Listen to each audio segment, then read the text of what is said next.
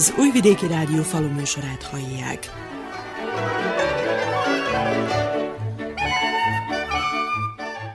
Tisztelettel köszöntöm a faluműsor hallgatóit. A mikrofonnál Juhász Andrea szerkesztő.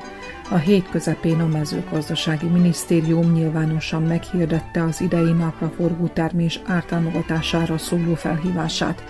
Ennek értelmében azok a gazdálkodók, akik feldolgozónak vagy felvásárlónak adták át a terményüket, valamint rendelkeznek számlával vagy hitelesített szállítólevéllel, az űrlapok kitöltése és beküldése után jogosultak lehetnek a kilogrammonkénti legfeljebb 7 dinár 80 parás támogatásra. A felhívásban még az is szerepel, hogy a kifizetéseket az igénylések beérkezésének sorrendjében végzik az illetékesek, illetve az erre a célra elkülönített keretösszeg kimerítéséig. A kérvényeket október 14-e és november 14-e között lehet beküldeni a minisztérium címére. Az űrlapok kitöltésében a termelőknek szívesen segítenek a vajdasági falugazdászok is.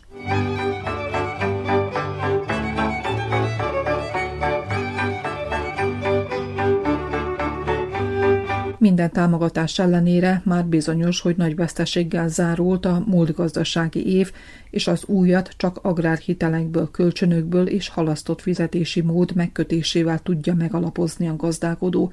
Sokkal visszafogottabb agrotechnika, tápanyag utánpútlás, sőt vetőmag használat előtt állnak termelőink, hiszen, mint fogalmaznak, nem tudni milyen irányba változik az időjárás, lesz-e elegendő termés jövőre ahhoz, hogy legalább a kiadásokat és az eddig felhalmozódott adósságot kifizessék. Tóth Ervin tornyosi gazda borulátó a jövőt tekintve a gazdáknak úgy hiszem, hogy visszamenőleg több évtizedre legkevesebb pénzük van arra, hogy új gazdasági évet kezdjenek. Szinte ez elképzelhetetlen, hogy hogyan is fog ez kinézni, hogy valamennyi tápanyagot is juttassunk a talajba, még megfelelő magot juttassunk. Egyedüli öröm az, hogy talán az őszi vetésű növényekre kedvez az időjárás, mert most az utóbbi 5-6 hétben elég komoly mennyiségű csapadék hullott, ami elegendő arra, hogy zöggenőmentesen és izgalom nélkül az elvetett magok kikeljenek. Van remény per pillanat arra, hogy talán szép tő, számú növényeket tudjunk majd kapni a kelés folyamán. Viszont a folyamatos esőzés az hátráltatja még az őszi terménybetakarítást. Így van ez Tótervin gazdaságán? Elejében, mikor elkezdtük a repcevetést, akkor épp jó jött az a kezdeti fázisban lehullott csapadék, mert megfelelő magágyat tudtunk előkészíteni, a levegő hőmérséklete is viszonylag magas volt, tehát gyors kelésünk volt. Az én esetemben talán négy nap alatt kikelt az olajrepce. Az őszi terménybetakarítás az már nem ennyire szerencsés, azért, mert a napraforgó terméshozama az elég alacsony, költségeket nem födi. Ebből a pénzből nem igazán lehet egy új termelési év elé nézni. Hát a kukorica az talán az idén mondhatom, hogy itt a mi környékünkön a legrosszabbaknak lehet mondani. Itt ilyen 1-től 7-8 mázsa az átlagos terményhozam holdanként. Ez szinte semminek nem elegendő. Egy katasztrofális helyzet, és én szerintem mindenki áll és nem tudja elképzelni, hogyan is lesz tovább. Alacsony kukoricahozam, viszont milyen minőség. Nagyon sok helyen a gazdálkodók és a felvásárlók is panaszkodnak, hogy bizony a termény minősége sem a legmegfelelőbb. Mi a tendője a termelőnek az ilyen terméssel? Fogalmam se nincs. Én látom magam is, hogy a kukorica termés az nem egészséges. Kibontunk egy csövet, ott látjuk a fertőzést, a betakarítás alkalmával bármit nyúlunk, hogy mozgatjuk a, vagy a szemet, vagy a csöveket, az porol, a gomba, a szál mindenfelé fertőzött, gyöngehozamú növényt kaptunk, ami szerintem senkinek se nem fog megfelelni. Ez is majd valószínű gondot fog okozni, Itt még nem elég, hogy pici a mennyiség, még nem is igazán piacképes. Ez egy nagyon nagy probléma, de majd a továbbiakban meglátjuk, hogy mire fog fordulni az idő. Az én gazdaságomban magas a kukoricának a nedvesség tartalma, mi ezt csövesen takarítjuk be és góréba tárolom, és majd meglátjuk, hogy a száradás folyamán, hogy mire fog változni. Remélhetőleg, hogy majd a morzsoláskor még csiszolódik, és akkor talán, talán egy kicsit reménytelibb lesz az, hogy el is tudjuk adni. Az nem kérdés, hogy veszteséggel zárult a múlt gazdasági év, és veszteséggel indul az új gazdasági év, vagy indult az új gazdasági év. Ilyenkor hogyan alakítja a vetésszerkezetet a termelő, hogyan alakíthatja egyáltalán, hogy a jövőben ha nem is nyereségre, legalább úgynevezett pozitív nullára kihúzza magát. Azt még nem tudjuk, hogy ez a szép ősz kezdet, ez mennyire és meddig fog folytatódni, mert ez egyszer megáll, és utána voltak évek, amikor tavaszig egy csöpp esé nem esett, ez minden bizonytalan. Hát az, hogy visszafogott befektetéssel indulunk csak a legminimálisabba, valószínű nagyon sok ember a padlásor az otthon megtermelt gabonáját fogja majd becsávázni, és azt fogja elvetni, tehát ez is itt is van egy minimális spórlása. Tápanyagoknak az utánpótlása minimálisra vagy semmire fog lecsökkenni, tehát itt nagyon nagy a helyzet, mert a vesztesség elsősorban a termés mennyiségénél mutatkozik, meg másodszorban pedig a reproanyag és a termék paritása között borzasztó nagy a távolság, és ezt a kétfajta vesztességet most, ha összekapcsoljuk, akkor ez egy elborzasztó, és a parasztársadalom nem tudom, hogy hogy fogja ezt átvészülni ilyen alapon, ami eddig van kilátásban. Az öngazdaságán mely haszonnövény felé billen a mérleg nyelve? Megvan a konstans termékek, amiket szoktam ültetni. Valószínű egy kis korrekció lesz a terület szemszögéből, de itt nem lehet nagyokat változtatni, nem lehet mindig arra szaporítani nagy területet, ami esetleg az idén jó termet, mert a jövő év azt vissza fogja csökkenteni azért, mert akkor annál a kultúránál lesz piac többlet, de viszont az ára pedig csökkenni fog. Tehát amit elveszítünk, azt nem lehet behozni a következő évbe egy olyan növénye, ami az idén esetleg egy kicsit több pénzt adott.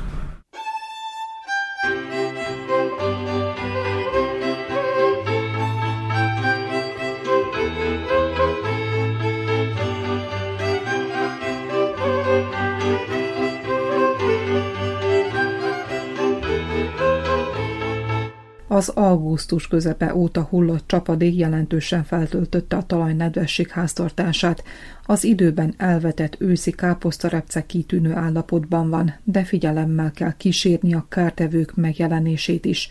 A búzavetés küszöbén igyekeznek a gazdák jó magágyat készíteni, de akár már a jövő évi vetésszerkezetet is megtervezni. Rekovics Ervin, a Kortéva cég területi képviselője így összegzi a múlt gazdasági évet. Mindenki számára egyértelmű, hogy az évben uralkodó meteorológiai jelenségek, az asszály, a magas hőmérséklet a kapásnövényekre nagyon negatív hatással volt.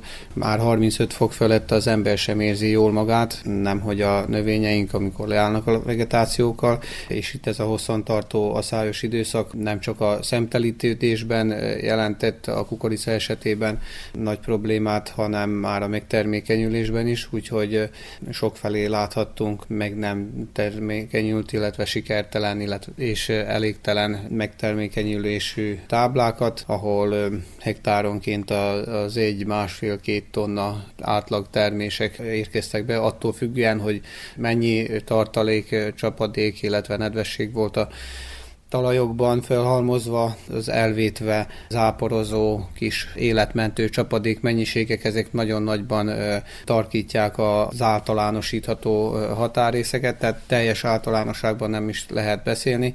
Az a tapasztalat, hogy amit a Corteva vállalat már néhány éve gyakorlatban is alkalmazunk itt a termesztésben, a, a korai vetésnek a jelentősége az kiemelkedő, illetve a nem annyira korán, tehát nem a márciusban elvetett, hanem az áprilisnak az első napjaiban földbe juttatott vetőmagok és korai hibridek az idei évben sikeresebbnek tűnnek. Az ilyen hosszabb tenyészidejű növényeknél tapasztalhatóak azt, hogy a megkésett gazdáknak túl kései vetést abszolút az optimális időkön kívül szinte a másodvetési tenyészidőszakban, május végén, június elején elvetett táblák, amelyek némi kis csapadékot vagy valamennyi öntözést kaptak a kezdeti időszakban, azoknál lehet várni értékelhető hozamot az idejében.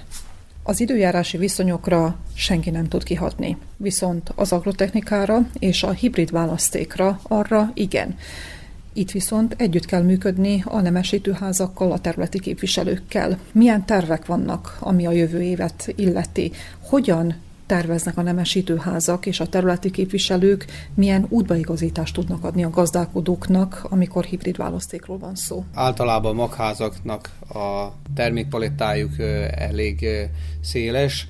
Pionír vetőmagház fajta választék a 22 hibridet tartalmaz magában, amelyik felöleli a 200-as FAO-tól az egészen késeinek számító, nálunk késeinek számító 700-as FAO csoportba tartozó hibrideket. Minden esetben fontosnak tartom azt hangsúlyozni, hogy mivel minden év változó, ezért a fajta választékot is egy-egy gazdánál bővíteni kell. Nem szabad egyetlen egy hibridre alapozni a termelést. Természetesen vannak sikeresebb hibrideink, amelyek évről évre stabil hozamokat biztosítanak.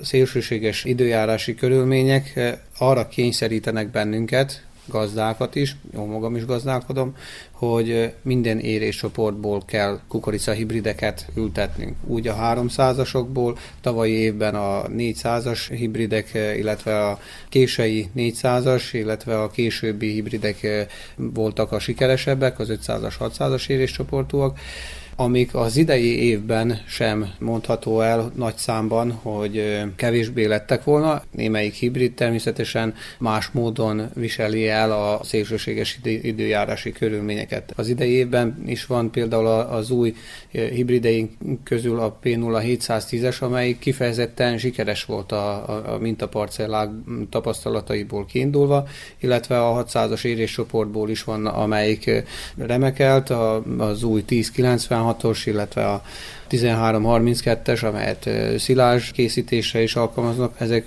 ugyanúgy hozták a formájukat az időjárási feltételekkel összhangban. Természetesen most az idén nem nőttek olyan magasra, de viszont hoztak stabil termést illetve a 300-as érés csoportokból a 9300, a 9757-es, a 9889-es nagyon egészséges csővekkel egy elfogadható hozamot tudtak a, gazdák részére biztosítani, és van itt a 400-as érés csoportból is az a P0217-es, amely a tavalyi évben robbant be a piacra, és úgy látszik az idei évben is tartja ezt a, az évhez képest való magas hozamot.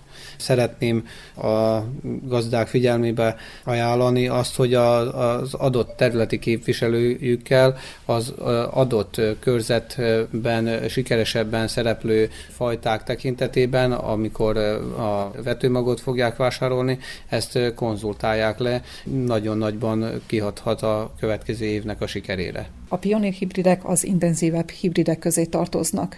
Az ilyen időjárási viszonyok, mint amilyenek voltak az idén, és amit előrevetítenek a meteorológusok, megfontolandó esetleg, hogy termesztés technológián egy kicsit változtatni? A tőtávolság tekintetében ez évek óta zajló párbeszéd téma a gazdák között, és vetés időpontjában ez egy meghatározó tényező, egy örökös dilemma. Amely a hagyományok szerint a sűrű buza és a ritka kukoricát az idei évben mondjuk úgy, hogy, hogy igazolni látszódott.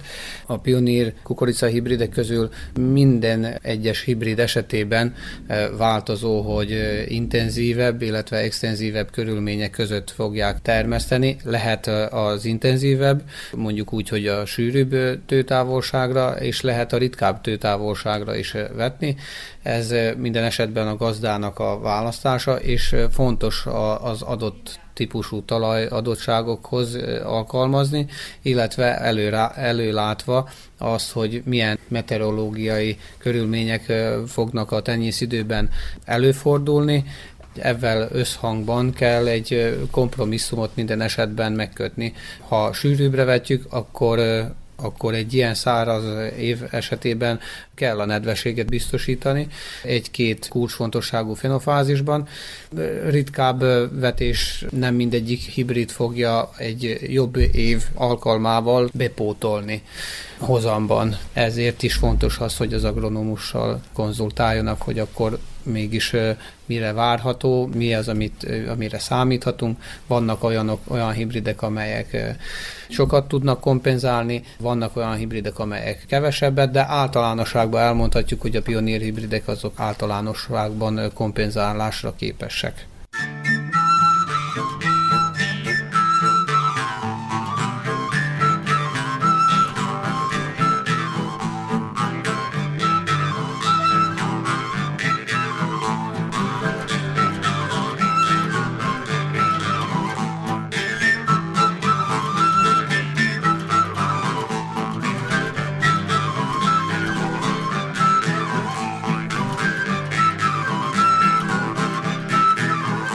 Szélsőséges időjárás nagy kihívások elé állítja az agrárium minden szereplőit, így az innovatív megoldások képviselői is új lehetőségeket kínálnak a gazdálkodóknak. A klímaváltozás legégetőbb kérdése az elegendő mennyiségű víz megléte, illetve előteremtése, amire a magyarországi Kreatíger vállalat ad megoldást – Törő Gergely ügyvezetőt hallják. A mi munkánk a vízgazdálkodással általában ott találkozik, amikor meg kell tartani a vizet valamilyen módon. Vannak megoldásaink földfelszíni tavakra is. Jellemzően ugye tavakat építünk, nagyon sok öntöző víztározó van tervben, illetve nagyon sok öntöző víztározó épül is. Ehhez kapcsolódóan vannak öntöző csatornák, amivel adott esetben a lineár locsolja ki a vizet a földekre. Nem csak a mezőgazdaságban jelenik meg a vízmegtartásnak a fontossága, hanem ipari szereplőknél is. Például nagy ipari parkok mellé nagyon jellemző most már, hogy a lezúduló esővizet valahogy összegyűjtik. Ennek két oka lehet. Az egyik az az, hogy nem szeretnék, hogy elmossa ott a területet a, a sok csapadék, ilyenkor záportározót építenek. A másik az, hogy fel tudják használni ezt az esővizet, ilyenkor pedig olyan víztárolókat építenek, amiből ki lehet locsolni azt. Ebben az esetben már nem feltétlenül felszíni vizekről beszélünk, hanem vannak olyan tározók, amit föld alá lehet építeni. Milyen potenciált lát a vajdasági, illetve a szerbiai piacban? Nekünk a szerbiai képviseletünk az nem régen alakult ki. Mind a víztárolás szempontjából, mind a kazaltakarás szempontjából úgy látjuk, hogy nagyon hasonló igények vannak, és nagyon hasonló a hozzáállás, mint Magyarországon. Éppen ezért én azt gondolom, hogy ez egy nagyon jó, jó együttműködési területet jelent számunkra magyarországi példát át tudnak hozni Vajdaságban? Melyek azok a kihívások, illetve nehézségek, amelyekkel szembesülni kell, amelyeket a magyarországi vállalkozók és a kivitelezők meg tudnak mutatni a vajdaságiaknak, és kicéloztak meg? Inkább a nagyobb gazdaságokat, ipart, vagy pedig akár még a kis magángazdaságokat is általában azok a termékek, amiket mi csinálunk, vagy nagyon jól skálázható, vagy mindenki számára érdekes tud lenni.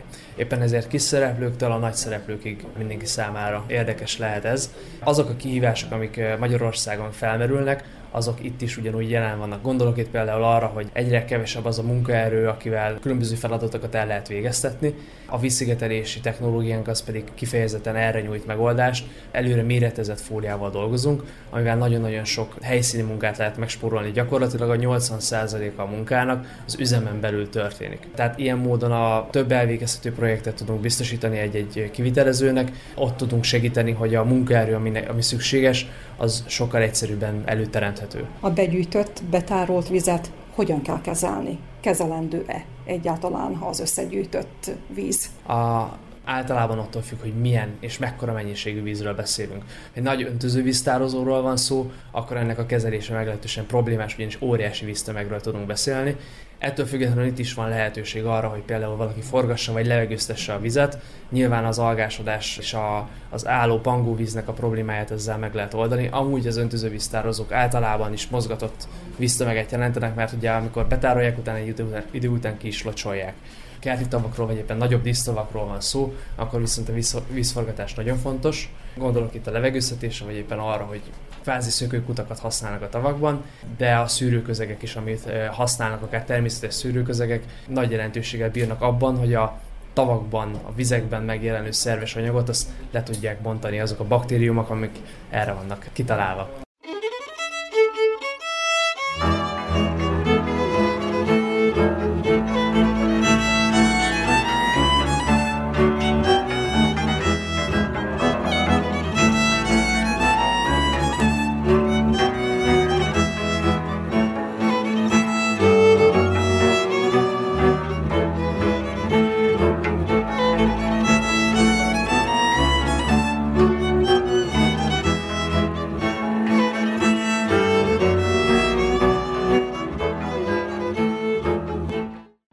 Északbácskai homokvidéken befejeződött a korai szőlők betakarítása, most már értékel a gazda, és a bor minőségét próbálja elővetíteni.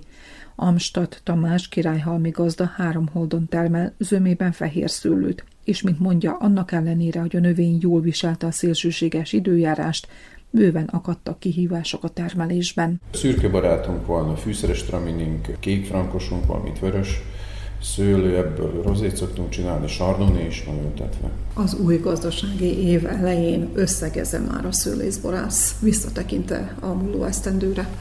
Ez az esztendő, ez kihívásokkal teli volt, és megint beigazodott az, hogy sosincs két egyforma év. Tehát megkíméltek minket a fagykárok, tehát mivel a szőlő az aránylag később indul a vegetáció, más fajták, mi a fagykárokat úgymond megkíméltek minket, tehát megúsztuk. Viszonylag a virágzás is jól sikerült, ennek megfelelően a termés mennyiség is maradjunk annyiban, hogy az optimális határokon belül a maximális volt ebben elégedettek vagyunk. Nagy kihívás volt ez az asszály, hogy nem volt gyakorlatilag csapadék két-három hónapig, de Hál' Istennek nálunk van csöpögtető rendszer az ültetvénybe, és akkor mi ezt a stressz helyzetet, amit a növénynek előidéz az oszály, mi ezt tudtuk kompenzálni, illetve meg tudtuk szüntetni.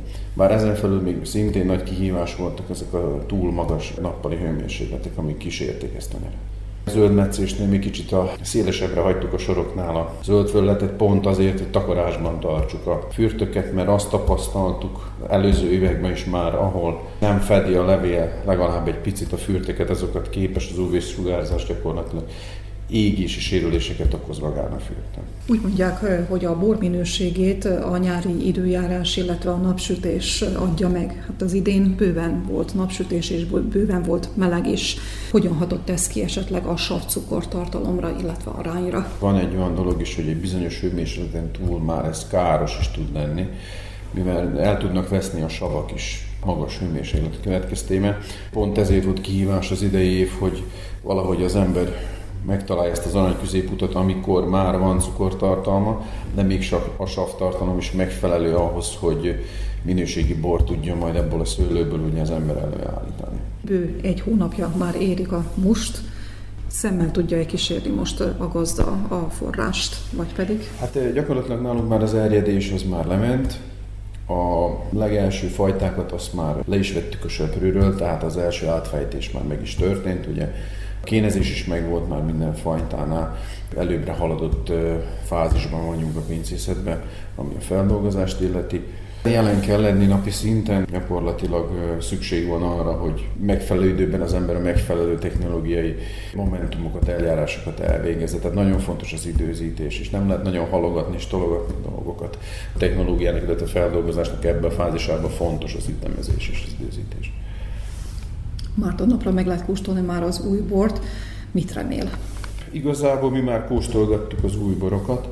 Még ugye nem kerül itt teljesen kifejezésre az ízvilág, csak nagyjából valamilyen irányokat látunk, de alapjában elégedettek vagyunk jelenleg azzal, amit kóstoltunk. Tamáséknak mi a célja? A családot ellátni házi borral, vagy pedig esetleg versenyeztetni is a nedőket? Van egy pont, ami mi nem szeretnénk túlmenni, nem szeretnénk átmenni. Maradnánk ez a házi bornál, tehát úgy mennyiségben is, úgy technológiában is, hogy van egy határ, amit nem szeretnénk átlépni. Arra fókuszálunk, hogy egy kisebb vevőkört lássunk el, akikkel egy közvetlenebb kapcsolat van kialakítva, mi talán ebben az irányba gondolkodunk, tehát, maximális, tehát már most úgy megvan fejben a maximális éves kapacitás, amit nem szeretnénk átlépni. 13 éve borászkodom már, tehát hogy lassan már van egy ismerettség, egy vevőkör, akit úgy ellátunk, meg úgy személyes kapcsolatban vagyunk, és, és szeretnénk ezt a jellegét megőrizni a borászatunknak. Maga a borkészítés tudománya fejleszthető-e még? Hozzá lehet-e még tanulni 13 év után?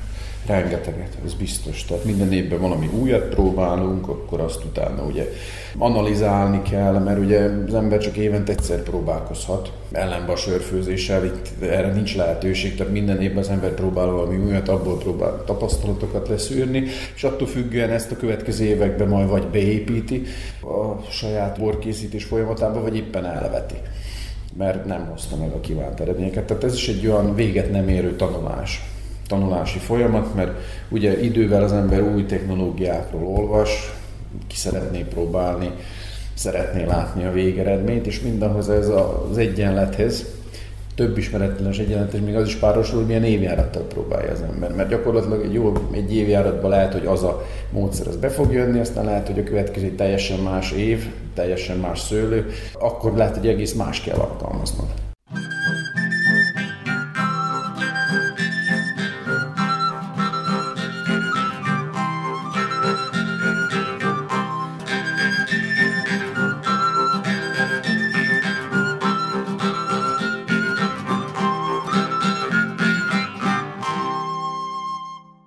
Kárpát-medencei magyar borászok fejlődését és a borkultúra népszerűsítését célozta meg a Magyar Agrárminisztérium által indított Sams Ferenc terv.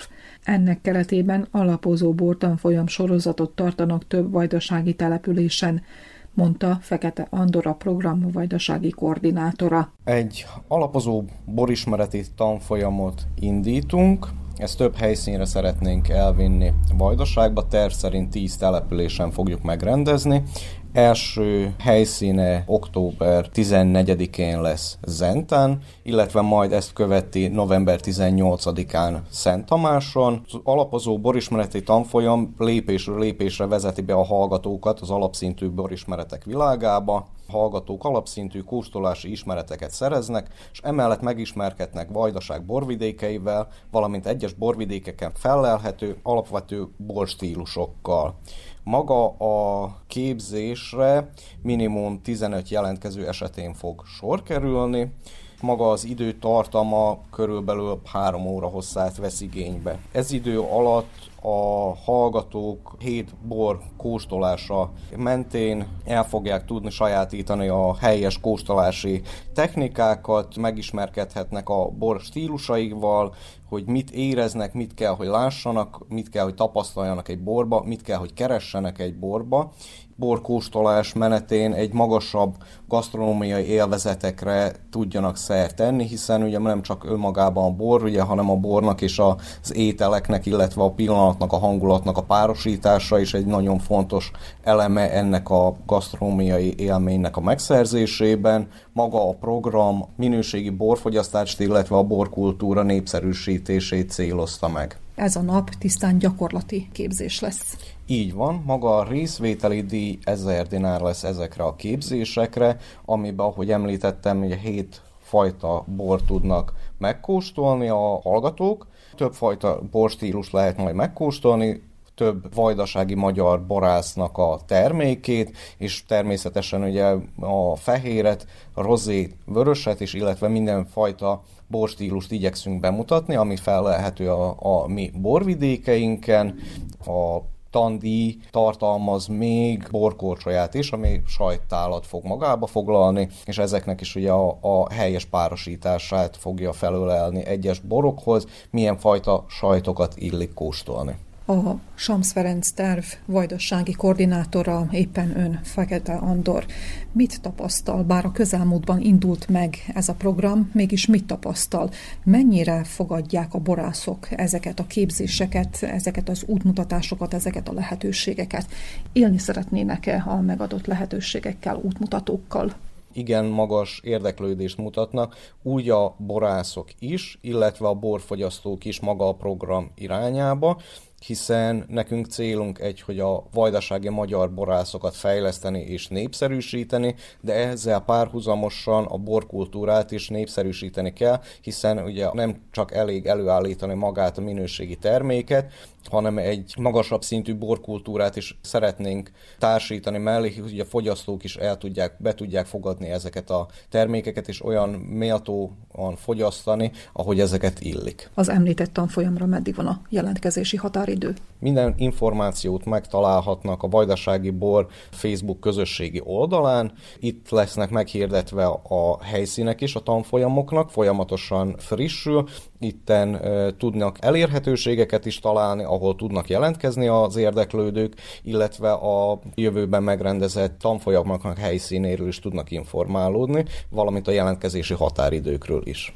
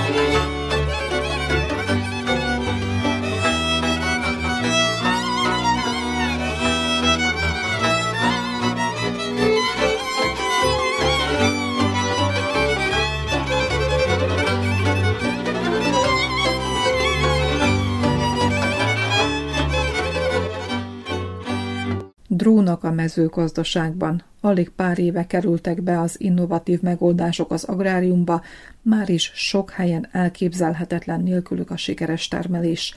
A szeptemberben megrendezett Topolyai Expo mezőgazdasági gazdasági kiállításon az átlagember is közelről megtekinthette ezeket a gépmadarakat, valamint a szakértőktől, így Pletikoszics Árpádtól, a DroneTech képviselőjétől tájékoztatás is kaphattak az alkalmazásokkal kapcsolatban. Tényleg rengeteg érdeklődő van, és, és aki körbenézi és véleményeket mond a drónokról, és talán számunkra az egyik legfontosabb dolog az, hogy lássuk, halljuk a véleményeket, halljuk a gondolatokat, és hogy ez alapján tudjuk a jövőnket is tervezni.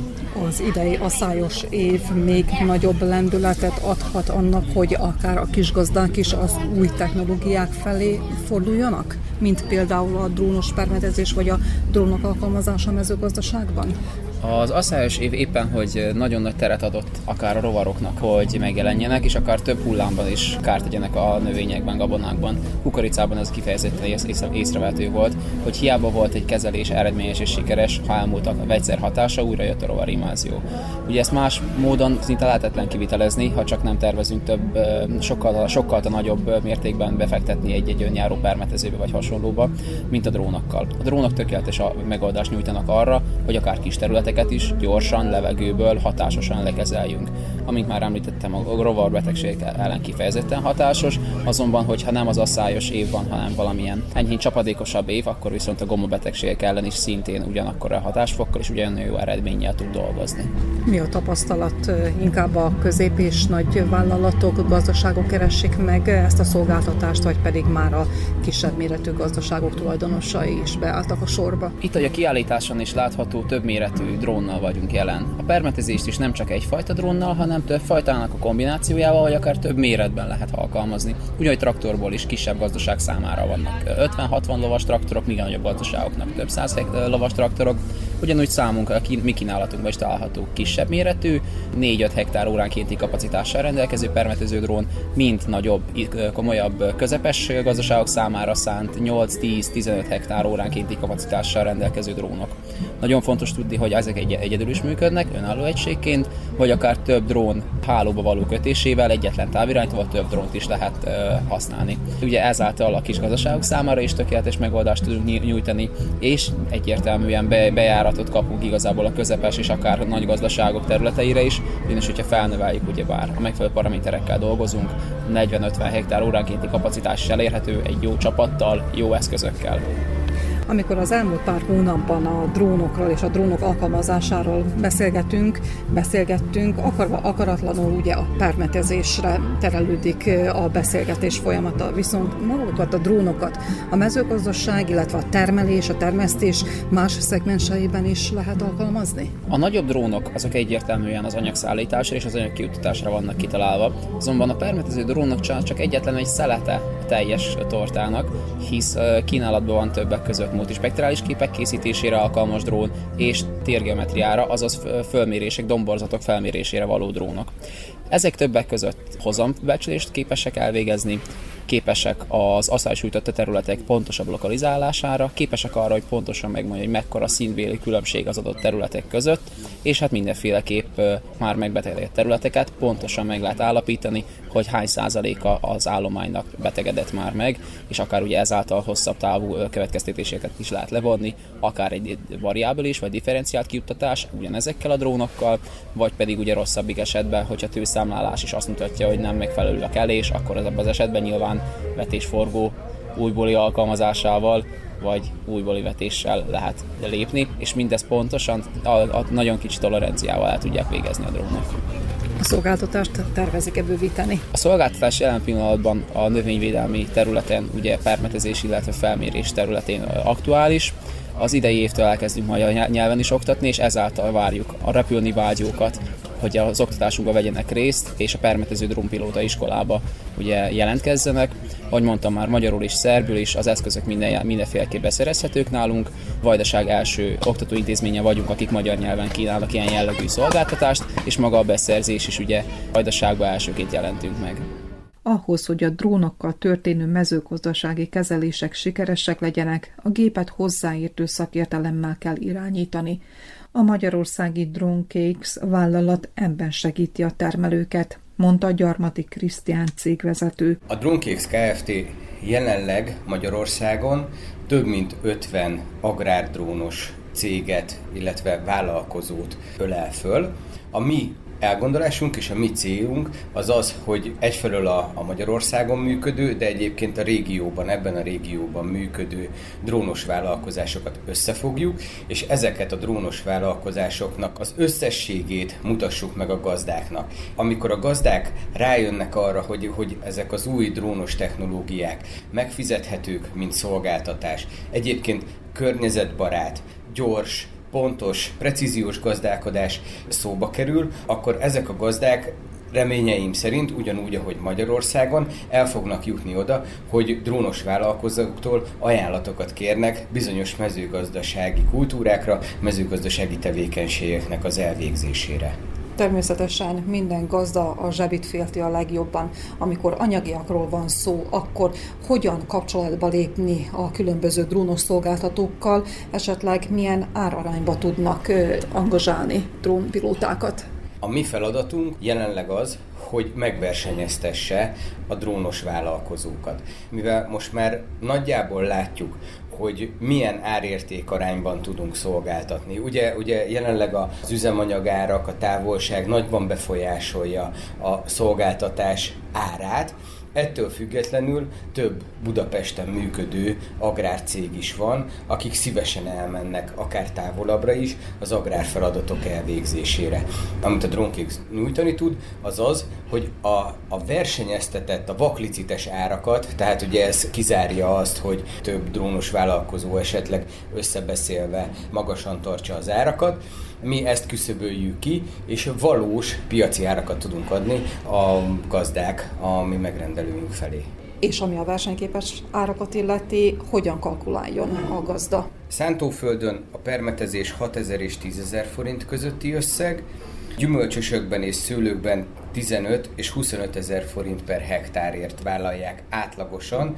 Természetesen itt a kultúrától és a távolságtól nagyon sok minden függ, illetve a vizuális feltérképezést 2500-3500 forintért végzik a magyarországi drónpilóták a gazdák, legyen szó kisgazdaságról, hogyan tud kapcsolatba lépni egy drónpilótával?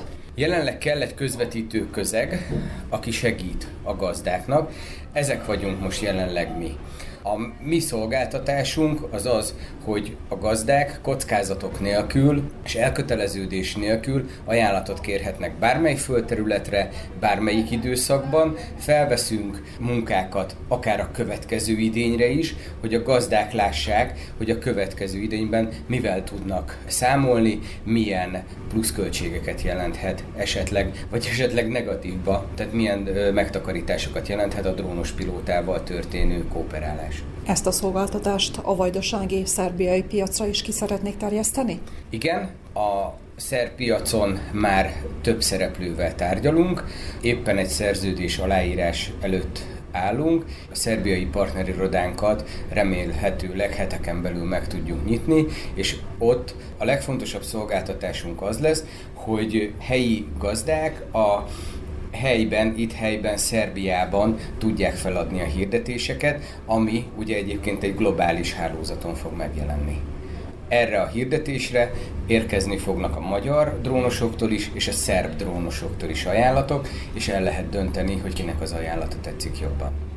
Mi a tapasztalat? Bár azt halljuk, hogy az innovációkat főleg a nagy gazdaságok szeretik elsőként kipróbálni, mégis a kis gazdaságok, az egy-két, illetve öt hektáros gazdaságok sorban állnak-e a mai kor kihívásainak és az innovációk alkalmazásának a lehetőségeinek a megragadására? Tapasztalataink szerint az elmúlt időben megnövekedett azoknak a szőlős gazdáknak a száma, akik egy-két hektáron termelnek, például a precíziós gazdálkodást, illetve a permetezést igénylik ezeken a kis hektárokon is. A szabadföldi zöldségtermesztők is, ahol kísérleti gazdaságok vannak, onnan is kaptunk megkereséseket már trónos permetezésre.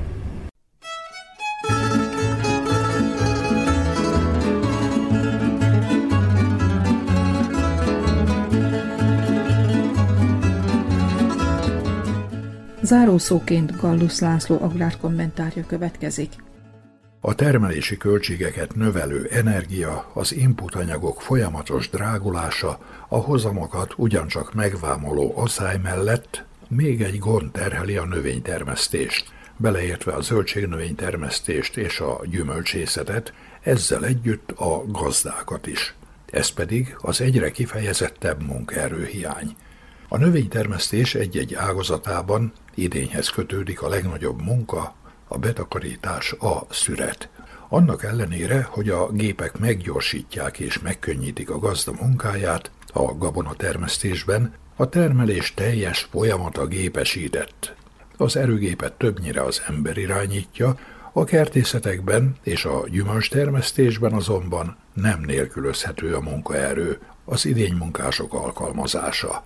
A jövő mezőgazdasága, melyre az élelmiszertermelés folyamatos növelésének feladata hárul, egyre kevésbé számíthat az emberi munkaerőre, és ez az akár kényszerhelyzetnek is nevezhető állapot, mellette a termelési hatékonyságra törekvés indított el az agrárium robotizációját, amit a szerbiai gazdák, de a műszaki szakemberek is egyelőre csak tisztes távolságból követnek.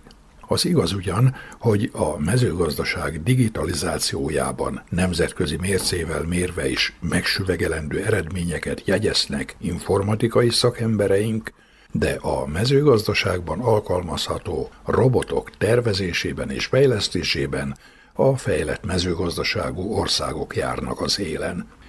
Néhány évvel ezelőtt még megcsodáltuk a drónok alkalmazását a növénytermesztésben, ami többnyire a növényállomány ellenőrzésére és felmérésére korlátozódott. de napjainkban már egyre több vajdasági gazda igényli a növényvédelemben a drónnal történő vegyszeres kezelést, ami a minimális permetszer ezzel együtt víz felhasználása ellenére ugyanolyan hatékony, mintha függesztett permetezővel végezte volna a kemizálást a termelő, de előnye, hogy taposási kár nélkül végzi el a drónpilóta a növényzet bármely fejlődési szakaszában. A francia tervezők és gépgyártók a földeken önállóan dolgozó, több műveletet is végző robotot fejlesztettek ki, ami a vetéstől a kórokozók megjelenése előrejelzéséig és vegyszeres kezelésig mindent képes elvégezni. Persze a számítógép segítségével meg kell bízni a feladattal. Mesterséges intelligenciájával elemzi a környezetet, képes felismerni és megkülönböztetni egymástól a haszon és a gyomnövényeket, kameráinak segítségével pedig azonnali helyzetjelentést tud küldeni a gazdának. A Future Farming nemrégen közölte a hírt, mely szerint az amerikai Solinftech cég automatizált gyomazonosító és írtó robotot dob piacra. A Solix névre keresztelt új permetező robot, amelyet a gyomok felismerésére és permetezésére terveztek, már jövőre elérhető lesz az érdeklődő farmerek számára. A felhasználóknak John Spray térképet is biztosít, amelyen elemzést ad a teljes szántóföld permetezéséhez képest megtakarított ráfordítások mennyiségéről. A Solix permetező robot hasonlít a Solinftech cég azonos nevű állományfelmérő robotjához, amely 2022. áprilisa óta már kapható Brazíliában. Ez a robot négy napelemmel működik, amelyek a meghajtást és a permetező rendszert vezérlik. A fedélzeti szoftver folyamatosan gyűjti a növényállományra, a gyomok azonosítására és sűrűségére, a betegségek azonosítására és kiterjedésére, a rovarok azonosítására és küszöbértékeire, a tápanyag hiány azonosítására szolgáló, valamint a vegetáció erősségét jelző információkat. Kínában beporzó robotok vették át a méhek szerepét a gyümölcsösökben, Angliában pedig málnaszedő robot helyettesíti a drága munkaerőt. Hollandiában és Németországban spárga betakarító robotok végzik a munkát, ami a szakemberek nyilatkozata szerint új korszak kezdetét jelenti a spárga termesztésben és betakarításban. A robot ugyanis a betakarítás során szelektálja a már érett és még éretlen termést, közben szenzoraival méri a talajnedvességet, és olyan adatokat gyűjt, amelyek értékes információkkal szolgálhatnak, például a termelésről és a minőségről parcellánként és fajtánként. Bár furcsán hangzik, mégis felmerül a kérdés, ha a robot mindent képes elvégezni, szükség van-e a különböző profilú agrárszakemberekre, a szakmérnökökre, akiknek tanácsa, utasítása nélkül mindeddig elképzelhetetlen volt a növénytermesztés bármely ágazata. A robot egyben helyettesíti a szakembert és a drága munkaerőt, vagyis az idénymunkást. Üzemelése során még csak pipa hujára sincs szüksége. A fejlesztés nagy erőbevetéssel történik, de egy-egy robot majdani áráról nem sok információ szivárok ki. Az itteni, megfogyatkozott számú idénymunkásoknak pedig nem kell attól tartani, hogy ma-holnap robotokkal kell versenyre kelniük. Nem csak a munkában, hanem a napszám értékében is.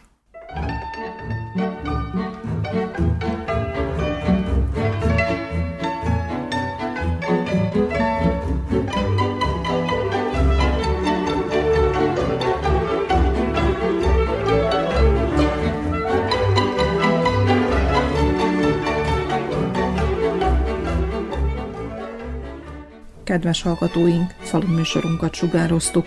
A munkatársak nevében is elköszön önöktől a szerkesztő Juhász Andrea.